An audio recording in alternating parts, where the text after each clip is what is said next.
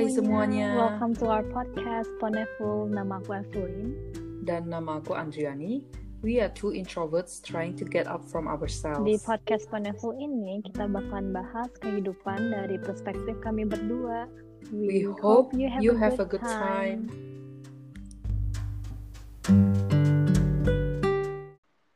Hai Andri. Halo Evelyn. Halo, halo, halo, halo semua, halo pendengar. Jadi kembali lagi di minggu ini sama Ponefu.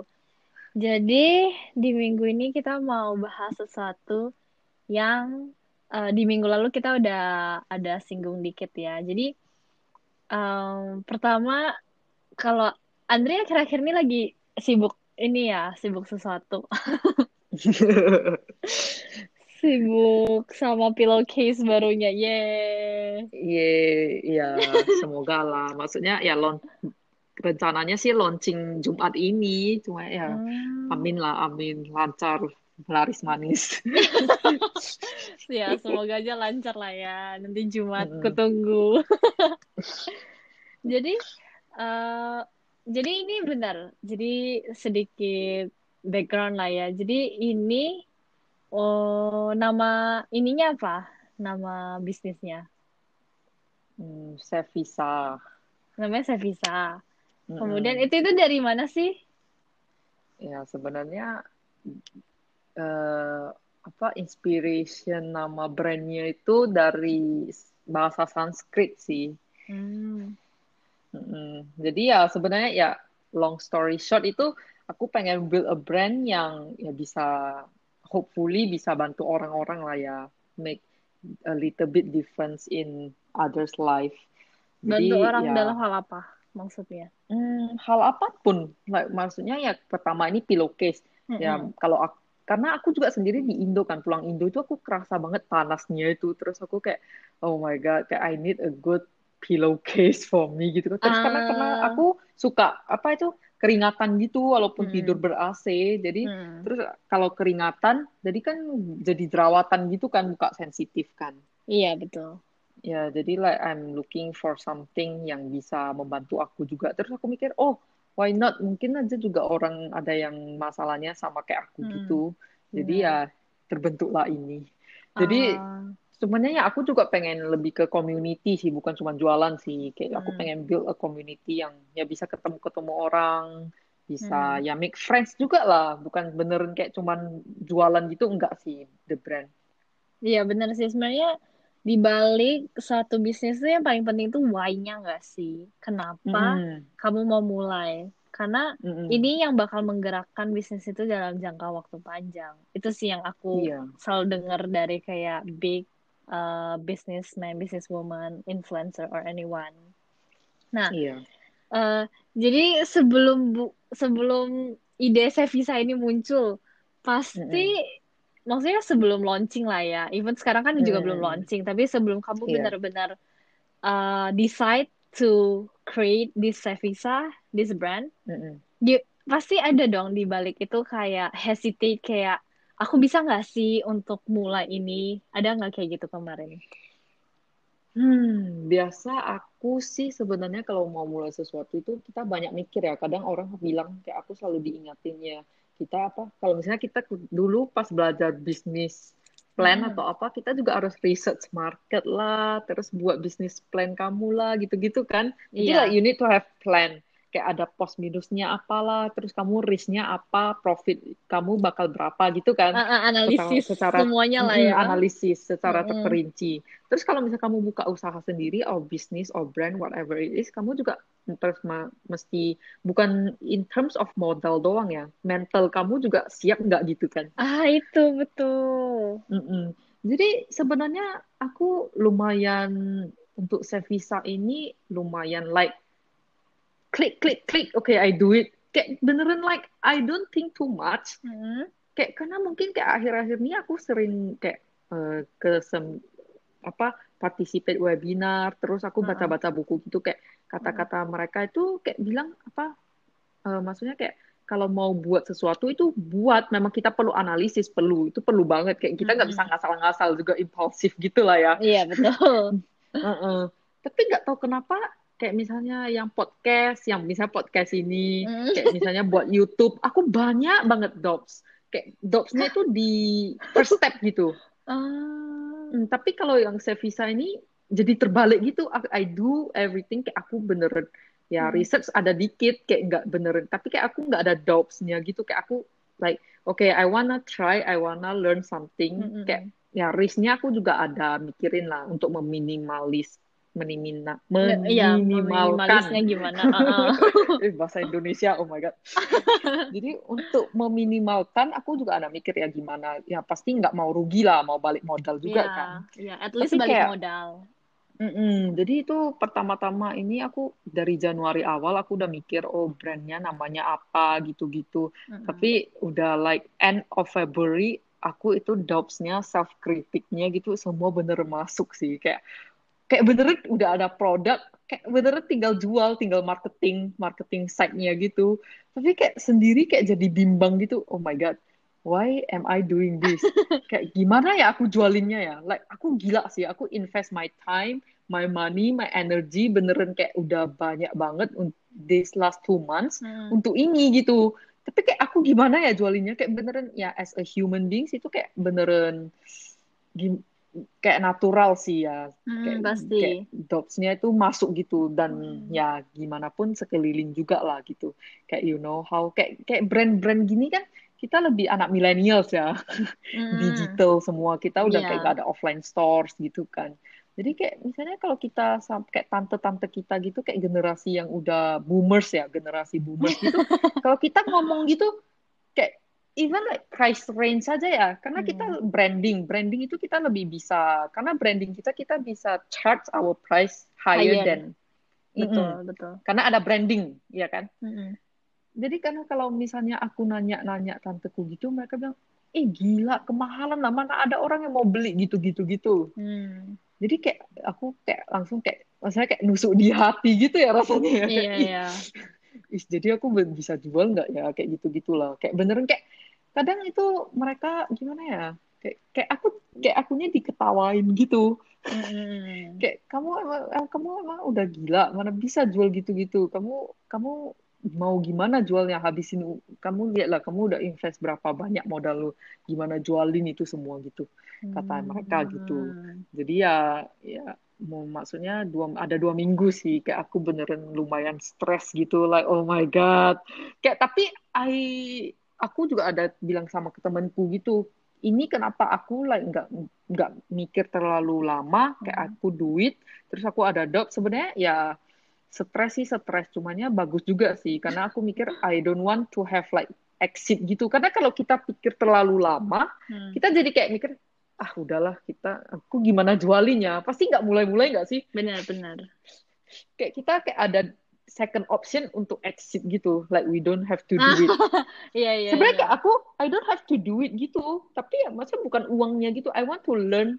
Kayak misalnya oke okay, kita belajar bisnis. Tapi kalau kita nggak praktekin like kita nggak mungkin itu, bisa belajar kayak, kayak gitu nggak sih? Iya iya. Karena pengalaman itu nggak bakal sama kalau misalnya nggak dipraktekin. Kayak hmm, betul, kamu nggak bakal dapet kamu nggak bakal benar-benar tahu mungkin kamu tahu teorinya tapi in hmm. real kayak pas kamu praktekin beneran itu sebenarnya banyak banget faktornya kan kan hmm. aku pernah lihat satu meme uh, hmm. apa yang customer lihat itu cuman kayak misalnya ada uh, misalnya pillowcase kamu 100 dolar hmm. yang customer hmm. lihat itu 100 dolar gitu kan tapi hmm. yang kita lihat hmm. sebagai penjual itu 100 dolar itu udah termasuk ongkos kita uh, beli bahan, kita uh, bordir mm -hmm. bahannya, kita marketing, mm -hmm. kita foto-foto sendiri, kita packaging, mm -hmm. apalagi mm -hmm. you name yeah, all of them deh, semuanya gitu kan. Kayak that a hundred dollar worth the effort mm -hmm. yang kita put untuk bisa create this brand gitu loh. Mm -hmm. True. Ya opportunity cost kita lah ya. Mm -hmm, bener bener. the time the time kita idenya ide hmm. lagi uh, ide itu kan kayak hmm. sebenarnya nggak terus gampang ya, kayak kalau misalnya uh -uh. jual misalnya kita gimana? jual barang kita ada service juga kan ke orang mm -hmm. Mm -hmm. jadi ya, ya gitu. pasti susah sih buat uh, these few months ya buat Andrea apalagi ini juga masih trying to start it kan karena sebenarnya fase hmm. ini belum mulai juga kan kayak hmm, gonna yeah. launch this Friday hmm. nah kemudian tadi juga si Andri jadi sebenarnya si Andri itu menarik banget ya karena malahan Andri itu lebih banyak mikirin buat mulai YouTube sama podcast itu gimana dibanding mulai bisnis Hmm, nah itu dia. Sebenarnya kayak aku juga pusing kayak kadang aku itu prioritasku aneh-aneh gitu.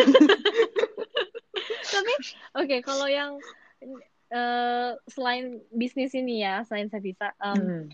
buat kemarin mulai YouTube itu kenapa ada keraguan? Kayak kenapa doubt gitu? Hmm, gimana ya? Kayak mungkin kayak karena like aku ada yang mikir mau muncul muka ngomong hmm. di depan gitu kan kamera. Hmm. Terus aku kayak mikir, ih gila ini orang bakal lihat aku gimana ya? Yeah. Kayak what? Kayak impression mereka itu gimana ya? Kayak hmm. kayak gimana ya? Kayak mungkin aku orangnya nggak pedean juga kan? Iya yeah, iya. Yeah. I mean aku juga sih. kan kayak aku juga bukan public figure gitu kan. Uh. Jadi kayak rasanya kayak terekspos semua gitu. Hmm, betul betul betul. Jadi itu yang kayak bikin Andri kayak doubt at first gitu buat kayak mm -hmm. make YouTube video YouTube channel gitu. Mm -hmm. Habis Terus ya kayak misalnya hmm. kalau podcast ya kayak hmm. misalnya I don't I'm not comfortable with my voice gitu. Yeah, Jadi aku juga yeah, mikir yeah. kayak sebenarnya nggak mikir-mikir amat sih, cumannya hmm. kayak ada mikir sedikit kayak aduh bisa nggak ya? Tapi karena juga ada beberapa temennya ya like you should do it like you have hmm. kayak kamu aku like I kata mereka kayak uh, beberapa doang sih nggak semua ya cuman kata mereka like I love listening to you talking about things gitu. Jadi kayak hmm. mereka kayak bilang why not you do podcast gitu? Mana tahu juga bisa like eh, bisa membantu orang-orang di luar sana gitu kan. Hmm. sharing-sharing pengalaman gitulah. Betul betul. Sebenarnya itu kayak such a good thing sih karena kadang kita nggak bisa sadar kita itu sampai seseorang point out kelebihan kita hmm. kita baru bakal sadar nggak sih? Oh kayak oh ternyata orang suka ya dengar pas aku ngomong gitu kan kita nggak bakal hmm. tahu kan kita mungkin selama ini kayak we trick our mind kalau ah suaraku jelek banget kayak terlalu cempreng misalnya hmm. jadi kan kita nggak ada sesuatu keberanian gitu ya tapi sebenarnya dari hmm. kayak point of view some of your friends maybe atau kayak your close friends yang benar-benar jujur, bukan cuman kayak yeah. basa-basi gitu. Kayak yeah. kamu malah kayak tersadar gitu dan mungkin dari itu bisa dikembangin. Iya. Yeah. Lalu betul. Kalo, mm -mm, uh, kalau misalnya yang dulu aku kayaknya pernah ngobrol sama Andri atau aku pernah lihat dari YouTube Andri atau apa aku lupa. Cuman mm. Uh, ini kayak ada satu phrase dari apa sih author yang Andri suka ya si siapa namanya Alexandro mm tentang yang memulai sesuatu apa modal berani aja. Mm -mm.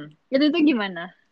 Kayak menurut Andri? Hmm, ya menurut aku sebenarnya itu mungkin uh, masalah orang anak milenial ya beneran. Mm -hmm. Menurut aku kayak itu kadang aku kayak lihat orang pengen buat ini pengen buat itu tapi takut kayak rasanya kayak they lose they have some so many things to lose gitu kayak aku is kayak iya jadi kayak ada yang misalnya udah kerja tetap mereka mau buat bisnis. Tapi kayak takut nggak ada penghasilan tetap. Ya pasti buka bisnis pasti nggak ada penghasilan tetap for the True. first few years ya. Yep. karena kamu harus cash flow kamu harus reinvest reinvest gitu kan untuk produk baru gitu. Mm -hmm kamu harus coba ini coba itu gitu. Kayak banyak hmm. banget yang mau diinvest dan returnnya itu nggak tentu. Kalau kamu kerja kan ya setiap bulan terima gaji lah ya. Betul. Jadi, jadi itu kayak banyak banget mm -mm, jadi banyak banget orang yang menurut aku itu kalau udah di comfort zone lah ya itu hmm. mereka susah banget untuk keluar dan kayak kayak ada itu mentalitinya itu kayak takut gitu apa-apa takut apa-apa takut gitu hmm. jadi menurut aku ya kadang ada orang ada itulah tiga lah ya modal kesehatan modal waktu modal uang kan Mm-mm. Sama mungkin keempat modal ide lah ya. Jadi kadang itu ada orang itu ada modal ide, ada modal uang, tapi ya nggak ada modal berani. Mm-mm. Kayak mereka they got everything, but modal beraninya itu nggak ada, jadi ya nggak bisa start juga. Jadi Don't modal berani so? ini penting banget ya kalau mau memulai sesuatu yang baru.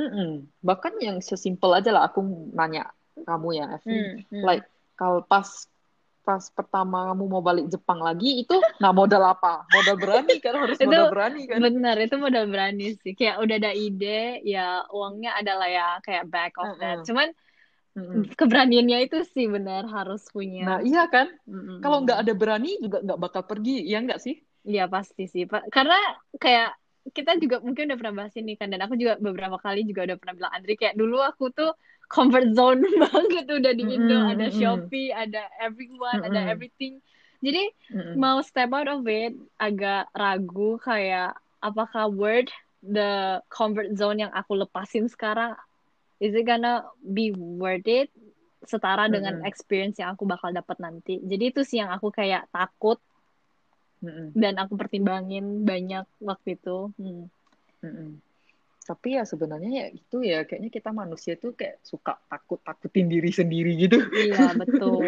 Yang belum belum terjadi kita udah kayak ih ih gimana ya? Ih kalau gini gimana ya? Ya ada bagusnya. Kadang ada takut juga ada bagus. Jadi kita bisa menghindari resiko yang kita nggak mau lah ya. Betul. Mm -mm. tapi cumannya kalau takut-takut terus ya nggak bisa ke mana-kemana sih.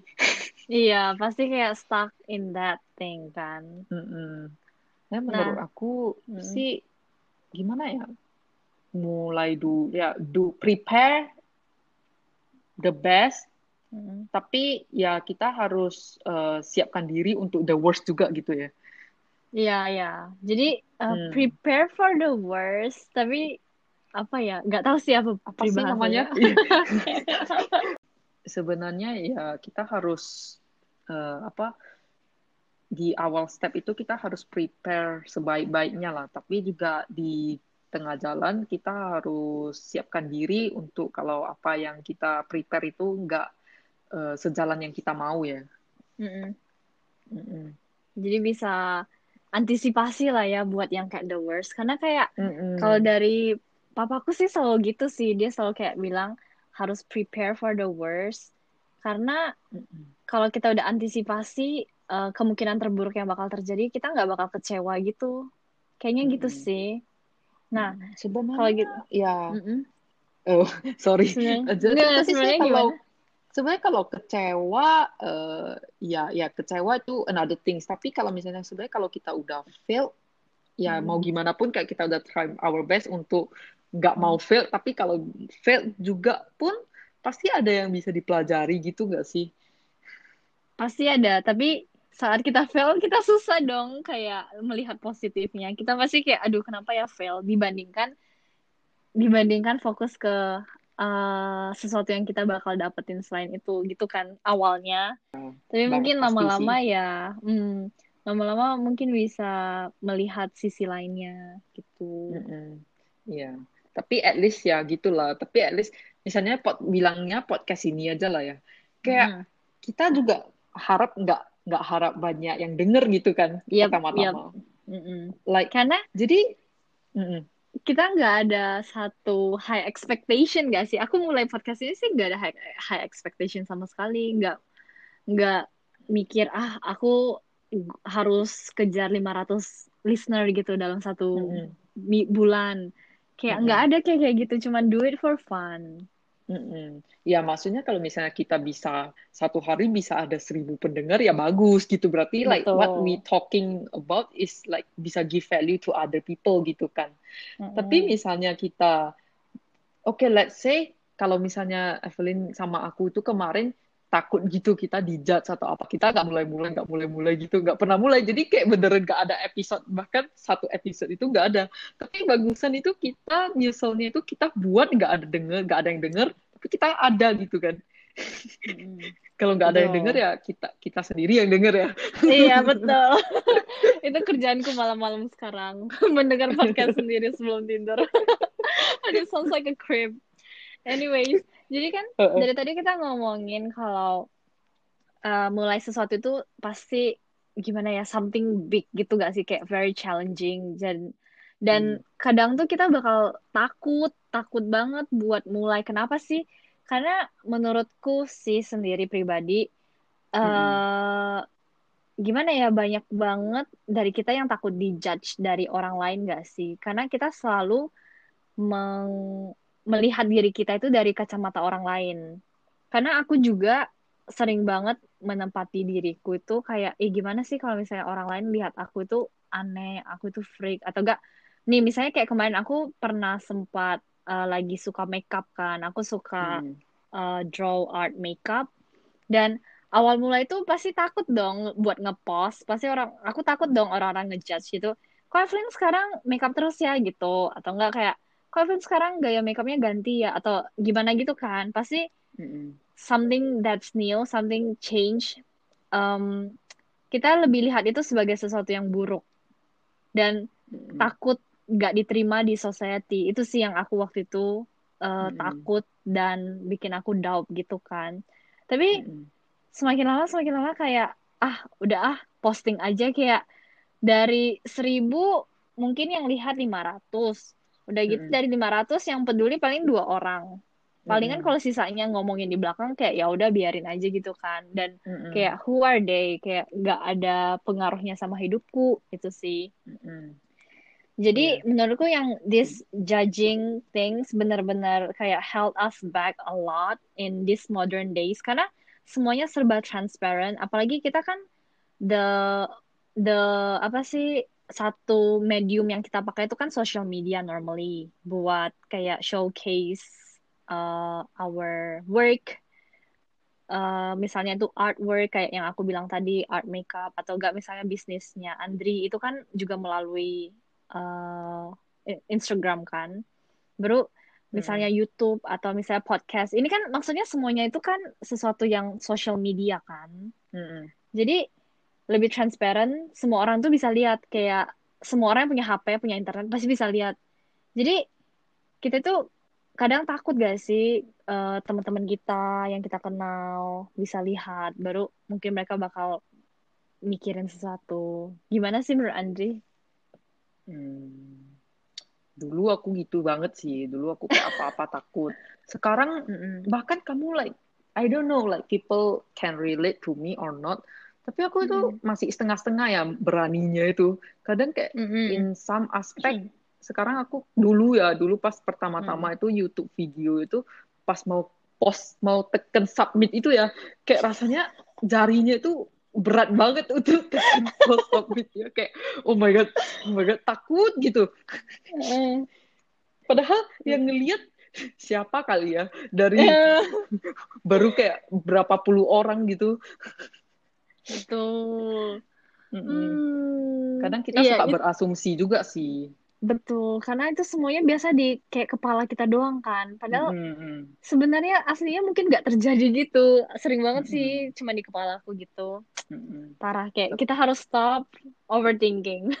iya, tapi juga menurut aku juga sekarang dari tahun lalu sih aku I learn to like mm, just terima how I am and then like mm-hmm. terima aja kayak maksudnya ya intention aku itu nggak bukan yang jahat gitu. Jadi kalau orang mau ngapain mm. apa ya udah gitu. Tapi ya mungkin kalau kita mau lakuin sesuatu mungkin kita bisa nanya beberapa teman atau keluarga atau siapa pun itu yang kita merasa bisa jujur sama kita ya. Jadi misalnya kita mm. mau buat podcast kita bisa nanya orang oh what do you think if I'm doing podcast? Kamu yes, merasa aku ada like ada ada apa itu maksudnya ada talentnya nggak aku bisa nggak hmm. gitu. Bisa hmm. aku bisa kembangin nggak skillnya. Kalau memang bisa nggak bisa you don't have that kind of like skill ya kalau memang tapi kamu pengen kembangin ya boleh-boleh aja. Coba dulu Betul. sendiri record mungkin ya.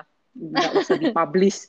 Maksudnya nggak usah dipublish tapi kamu record ya kamu praktis gitu. Nggak nggak mungkin kita orang bilang kita nggak bisa kita langsung nggak bisa juga. Itu kan nggak mungkin juga kan Kayak sometimes Betul. practice makes perfect ya. Kita nggak bisa uh, apa sat, uh, judge ourselves juga dengan opini orang lain gitu, dengan opini kita sendiri juga gitu. Mm-hmm. Jadi ya sebenarnya pendapat boleh dinanya tapi harus difilter filter juga sih menurut aku hmm. ya itu lah menurutku uh, salah satu the biggest reason kenapa orang takut untuk memulai sesuatu itu takut dijudge sama orang lain atau gak takut ya dikata-katain aja yang buruk even hmm. kayak kita mau memulai sesuatu yang baru kadang teman-teman sekitar kita nggak mendukung kayak yang tadi Andri bilang misalnya mau start Sevisa kan ada beberapa hmm. tuh family yang bilang kayak ih kok mahal banget sih bisa nih yeah. jual gitu kan yeah, yeah. itu pasti sesuatu yang bikin kita kayak jadi mikir dua kali kayak oh bener mm. juga ya orang lain mikirnya gini eh bisa nggak mm. ya gitu jadi kayak start to ragu sama diri sendiri karena ya banyak opini dari teman dari keluarga deket jadi mungkin itu sesuatu uh, yang harus kita bisa overcome ya kalau mau memulai sesuatu yang baru. Mm-hmm. Kemudian uh, sharing dikit sih dulu kayak aku juga kan pernah kind of like start like mm-hmm. uh, social media business mm-hmm. di thrift shop. Mm-hmm. Uh, thrift shopnya masih ada sih, cuman udah nggak aktif. Tapi mm-hmm. kayak kadang aku dapat masih dapat message gitu. Nanti mm-hmm. kalau misalnya Andri udah mulai jualan kayak ada satu ada gimana ya ada beberapa customer yang baik banget kayak there's this customer yang aku sampai sekarang masih ingat dia tinggal di Bali kan mm-hmm. itu dia kayak sering banget reply story aku dan aku suka banget kan habis itu mm-hmm. yang paling memorable itu pas lagi New Year dia ucapin ke aku kayak 0001 gitu kan dia kayak happy birthday Min eh bukan happy birthday sorry happy New Year Min mm-hmm. habis itu kayak wow kayak ini bukannya cuma shop sama customer gitu kan mm-hmm. tapi berasa kita itu ada satu koneksi dan itu benar-benar kayak gives me a very good impression gitu sih. Mm. Nah, uh, selain itu aku tuh cuma mau bilang dulu pas aku start uh, itu kan namanya uh, this thrift shop. Mm. Uh, aku sama temenku udah planning. Sebenarnya planningnya nggak lama sih ya jujur aja dan modal mm. kita itu kecil karena baju-baju thriftnya itu uh, aku pertama dapat dari tanteku mm. dari Jakarta mm. dan aku nggak keluarin duit buat uh, dapat baju-baju gitulah cuman uh, aku kurang jago fotografi dan juga social media posting gitu kan. Aku kan kurang hmm. tahu gimana sih pose yang lagi ngetrend sekarang, apa sih yang bagus buat foto gitu. Hmm. Jadi kami tuh awalnya foto itu sampai dua kali, tiga kali, capek banget kayak seharian dari pagi sampai malam, cuman buat itu. Hmm. Dan uh, baju itu gimana ya? Kayak kamu harus ganti-ganti baju. Panas banget kan apalagi di Indo tuh panas. Dan hmm. kamu harus ganti. Satu hari tuh kami satu orang pakai 10 baju ya. Jadi berdua hmm. itu kayak 20-an baju.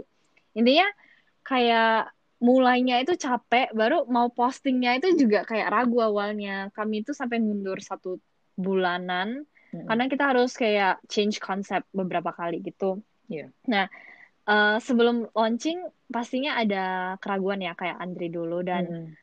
aku sama temanku sering aku aku sih dari akunya aku yang lebih kayak op, uh, pesimis aku hmm. lebih ke kayak eh kita nggak usah launch aja deh kayak eh, nggak uh, ada ini nggak ada pede nggak pede nih sama hmm. sekali gitu loh hmm. dan temanku sih kayak pede-pede aja sih bukan pede sih dia lebih optimis hmm. dan lebih santai dia bilang oh ya udahlah kalau misalnya ke, kalau misalnya kejual ya bagus kalau nggak kejual ya udah nggak apa-apa gitu yeah. loh mm -hmm. dan that kind of words bikin aku kayak tersadar iya juga sih kayak kenapa sih aku pingin banget baju yang kejual ya pasti ada kesenangan sendiri kalau semua bisnisnya kayak lancar kejual banyak mm -hmm. salesnya naik cuman selain itu ya kalau misalnya nggak kejual ya udah nggak apa-apa kayak just take it as a lesson gitu kan mm -hmm. dan salah satu yang paling bikin aku termotivasi itu dari postingnya Moon Pancake yang aku pernah kirim ke Andri mm-hmm. dari Instagram. Jadi yeah. dia dia itu juga terinspirasi dari Tokopedia punya campaign hashtag mulai aja dulu. Jadi mulai aja dulu ini mirip kayak yang tadi Alexandro itu yang modal berani aja mm-hmm. ya. Karena mulai aja dulu ya udah kayak kalau kamu punya segini ya udah dengan segini kamu mulai aja dulu kalau misalnya kamu nggak mulai-mulai sekarang kamu bakal tunda terus sampai kapan? Nanti hmm. terakhirnya nggak jadi. Kalau misalnya kamu mulai sekarang uh, ke depannya jadi atau nggak jadi maksudnya kayak bisnisnya berkembang atau nggak berkembang hmm. ya ya kita lihat aja gitu. Nanti misalnya berkembang bagus. Kalau nggak berkembang ya udah. Nanti kamu tahu oh kamu nggak cocok di bisnis ini. Kamu bisa ganti yang lain. Gitu sih. Mm-hmm. yang benar-benar aku dapat dari last time. Dan juga all the mentality of business. Yeah. jadi ya sharing dikit aja sih tentang yang gimana cara aku buat mulai small business. Itu termasuk small banget sih. Mm uh, yeah. dengan mulai aja dulu itu. Mm so small apa ya at least you create something gak sih?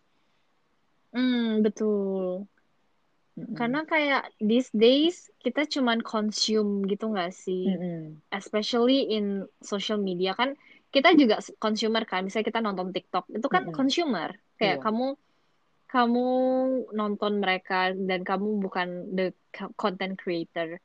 Jadi ya it's either kamu mau jadi the creator atau the consumer. Iya. Hmm. Sebenarnya ya aku dari dua bulan ini aja juga belajar banyak banget ya ya banyak lah ya kalau misalnya aku nggak mulai aku nggak bakal tahu gitu hmm. jadi yang kayak misalnya kata Evelyn tadi uh, misalnya kalau nggak kejual juga misalnya kita misalnya aku misalnya ya bilangin ini aku udah ada produknya kan aku udah ada stok mm -hmm. pillowcase yep. misalnya mm. aku nggak kejual jadi aku mm. pasti kayak so this is a problem right terus mungkin kita yeah. bisa jadi lebih critical thinking nggak sih kita lebih harus Betul. cari solution like jadi ini yeah. masalahnya itu di mana like branding aku salah, marketing marketing aku salah, atau foto yang aku pakai di Instagram itu nggak menarik, atau price aku terlalu tinggi, atau terlalu rendah, atau aku servisnya jelek, kayak banyak banget yang kita bisa like find what's the problem and then solve it gitu. Jadi dari sana kita juga growing up nggak sih? Like we grow hmm. stronger and then kita juga lebih tahu oh berbisnis itu ya nggak gampang gitu gini-gini banyak lah hmm. banyak banget sih kalau Betul. mau dibahas iya kayak dari pokoknya dari situ kayak you'll work on that kayak try to improve gitu kan mm -hmm. ya seperti kayak podcast ini juga gak sih kalau aku nggak tahu like to hmm. yang para yang udah denger dari episode pertama kita super awkward. Awkwardnya udah gak tertolong sih itu. Aku sampai bingung kok Gila. bisa sih. Aku cringe banget sih. Iya, tapi memang untuk memulai sesuatu gimana pun kita pasti masih gak terbiasa kan. Kayak mm -hmm. podcast kita yang episode satu itu. Mm -hmm. Kita bingung kita mau ngomong apa. Mm -hmm. Dan lama-lama kita kayak mulai ngerti tentang the flow baru kita mulai kayak lebih terbiasa. Jadi dari situ improve sih pasti. Iya. Hmm. ya maksudnya ya maklum lah kita juga masih newbie masih masih hmm. latihan gitu kan. Ya kita maksudnya hmm. ya bagus menurut aku bagus juga sih like, pendengar juga bisa relate gak sih? Kayak lebih ya semua orang itu ada kelemahan nggak perfect. Kayak nggak yang di sosial yeah. media like everyone is perfect. No it's not like that gitu Bener. We show our flaws mm -hmm. too. Yeah, that's life. yeah. Okay, jadi one last question buat Andri. Mm -hmm. When was the last time you start something new? When was the last time you did something new gitu? Kayak ya yeah, something new yang kamu nggak pernah kerjain sebelumnya. Uh, yang gimana? Susah juga ya kayak kayak harus mikir dulu. Aku menurut aku aku orangnya lumayan always challenge myself sih kayak aku beneran hmm, me too actually me too kadang kayak aku mikir kadang aku kayak kamu bisa nggak sih kayak kamu tahu like you are afraid to do one thing kayak misalnya gini lah aku aku nggak mm -hmm. aku nggak gitu terbiasa online online gitu like video call gitu gitu kayak and then speak in front ah. of many ah. people misalnya kayak misalnya aku attend one uh, seminar gitulah ya atau webinar online gitu. Kadang itu semua orang itu buka the webcam gitu terus bisa ngomong gitu dengan leluasa. Jadi aku itu kayak like aku gak bisa. Yeah, that's in front of like 200 strangers gitu. Terus aku like no. Jadi kayak aku oh. udah selama corona ini I think I attend like maybe udah ada 5 sampai 10 webinar gitulah ya. Kayaknya yang beneran aku buka webcam aku dan itu nggak ngomong. Itu cuma sekali doang. Hmm. like beneran. apa malu gitu ya? Kayak nggak tahu like I don't have that confidence. Padahal kayak nggak ada yang aneh padahal kayak everyone is doing it. Tapi aku takut beneran ah. F aku beneran takut banget. Like jangan bilang aku post YouTube buat podcast ya tapi beneran aku takut banget. Kayak aku beneran like shit aku aku nggak mau buka webcam aku malu. I don't have that confidence. Please don't ask me to turn on my camera. Apalagi kalau speak ya. Iya terus kayak kadang kayak aku mikir gila ini kayaknya dia kan misalnya kan pasti ada sesi tanya jawab gitu kan. Kadang ada yang suruh kayak langsung buka speaker nanya. Terus kadang aku juga itu aku aku beneran like yang belum aku step out of my Aku takut bertanya kadang, kadang aku takut aku kayak kelihatan bodoh gitu dengan pertanyaan aku. Ah ya ya ya. Evelyn gitu nggak sih? Aku gitu, aku gitu. Kalau misalnya lagi webinar, aku lebih ke yang diam-diam di pojokan. Karena ya itu kadang ada pertanyaan juga sih. Cuman aku nggak mau tanya kan, karena aku takut juga kayak Andri. Pokoknya sama persis sih kayak Andri. Cuman so lately one of my friend dia kayak bilang kan um, kayak one of the biggest lesson that he learned is that mm. um, dia nggak mau malu bertanya karena once kesempatan itu hilang nggak bisa didapetin lagi mm. which is so true kan aku kayak mm. dari kata-kata itu aku kayak langsung kayak bener sih kayak aku sering banget malu bertanya tapi temanku itu kayak bener-bener nggak -bener tahu malu gitu loh. Maksudnya kayak kalau mau tanya ya tanya langsung gitu kan. tahu malu. Tapi in a good way in a good way. Tapi aku tuh nggak bisa aku tuh malu kayak kemarin aku ke supermarket nih dekat sini. Kan Nihongo apa sih bahasa Jepangku jelek kan. Jadi aku ya sebisa uh -huh. mungkin ya nggak mau ngobrol sama orang. Habis itu kayak aku nyari cream cheese di situ nggak ketemu. Habis itu aku tanya temanku soalnya aku pergi sama temanku kan temanku langsung dia pergi dia pergi tanya ke orang staffnya. Dia kayak berani banget kayak aku walaupun aku bisa pakai bahasa Jepang aku menurut aku aku nggak punya keberanian buat tanya gitu loh. If you get what I mean. Kayak aku nggak tahu si Andri bakal kayak gitu juga nggak. Cuman aku takut banget. Bahkan aku sampai sekarang belum pernah makan di restoran sendiri di sini karena aku takut ngobrol pakai bahasa Jepang. Wow. aku bisa aku Berarti tahu aku bisa tapi aku Evelyn tuh gak... lebih parah dari aku sih. Iya aku, aku kalau misalnya di publik yang kayak restoran uh, atau gak kayak di supermarket gitu aku benar-benar takut gak tahu kenapa. Hmm. apalagi kalau mereka mereka yang mulai ngomong bahasa Jepang aku langsung kayak freak out. Padahal aku kayak tahu jawabannya gitu loh di otakku astaga so bad. Hmm. Cuman ya itu sih. ya, itu tapi ya, itu yang mungkin kita harus mm challenge ourselves this year sih harus change sih. Mm, tapi kalau balik lagi ke pertanyaan tadi kayak apa sih the thing that you start recently kayak you start something new? Saya bisa sih. Iya gak sih? Tapi selain hmm, itu? ya banyak sih ya podcast ini. Podcast ini juga baru baru tahun ini kan. Hmm. saya bisa baru juga. Something something small something dua. small. lah nggak ada. Something smaller. M mungkin kamu nggak sadar sih. Contohnya apa? Oke okay, kalau aku ya contohnya hari ini. Bahkan hari ini. Kayak aku hari ini I went to ini nggak penting banget sih I went to KFC with my uh, apa sih with my classmate for the first time. Kayak gimana ya this kind of small thing. Ini kayak small thing that matters to me. Karena aku even I write it in my goal gitu kan. Kayak aku pingin banget habis kelas hmm. aku bisa jalan-jalan sama classmate aku pergi makan. Dan setelah tiga bulan di sini akhirnya for the first time aku did it with one of my classmate gitu kan. Karena hari ini kami nggak ada nggak ada apa-apa dari sekolah nggak ada PR jadi kayak kita itu santai. Jadi pas kita jalan pulang dia kayak ah mau nggak ke KFC ya maksudnya kayak ah boleh ya pergi gitu kayak impromptu. And that kind of small thing kayak ya gitu menurutku sangat berharga sih buat aku. Dan aku merasa oh I start something new. Karena dari sini hmm. kayak ya mungkin ada yang kedua kali ketiga kali kan. Mungkin kita bisa pergi ke mana gitu loh. So something small like that. Hmm, kalau aku sih modal berani start something new. Oh gini gini gini. Hmm uh, I realize aku mulai burn out kan. Gara-gara like start ini sendirian. Terus aku capek. Aku capek banget banyak pikiran. Terus aku burn wow, out bisa capek. I burn out. Jadi aku memberanikan diri hmm. untuk bersantai.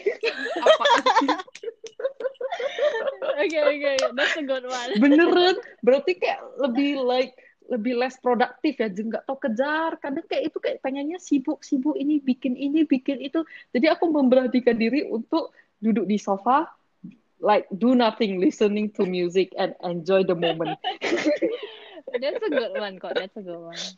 Memang kita butuh sih yeah. untuk tahu batas dan tahu when to stop dan lebih prioritaskan our self, our mental health gitu nggak sih?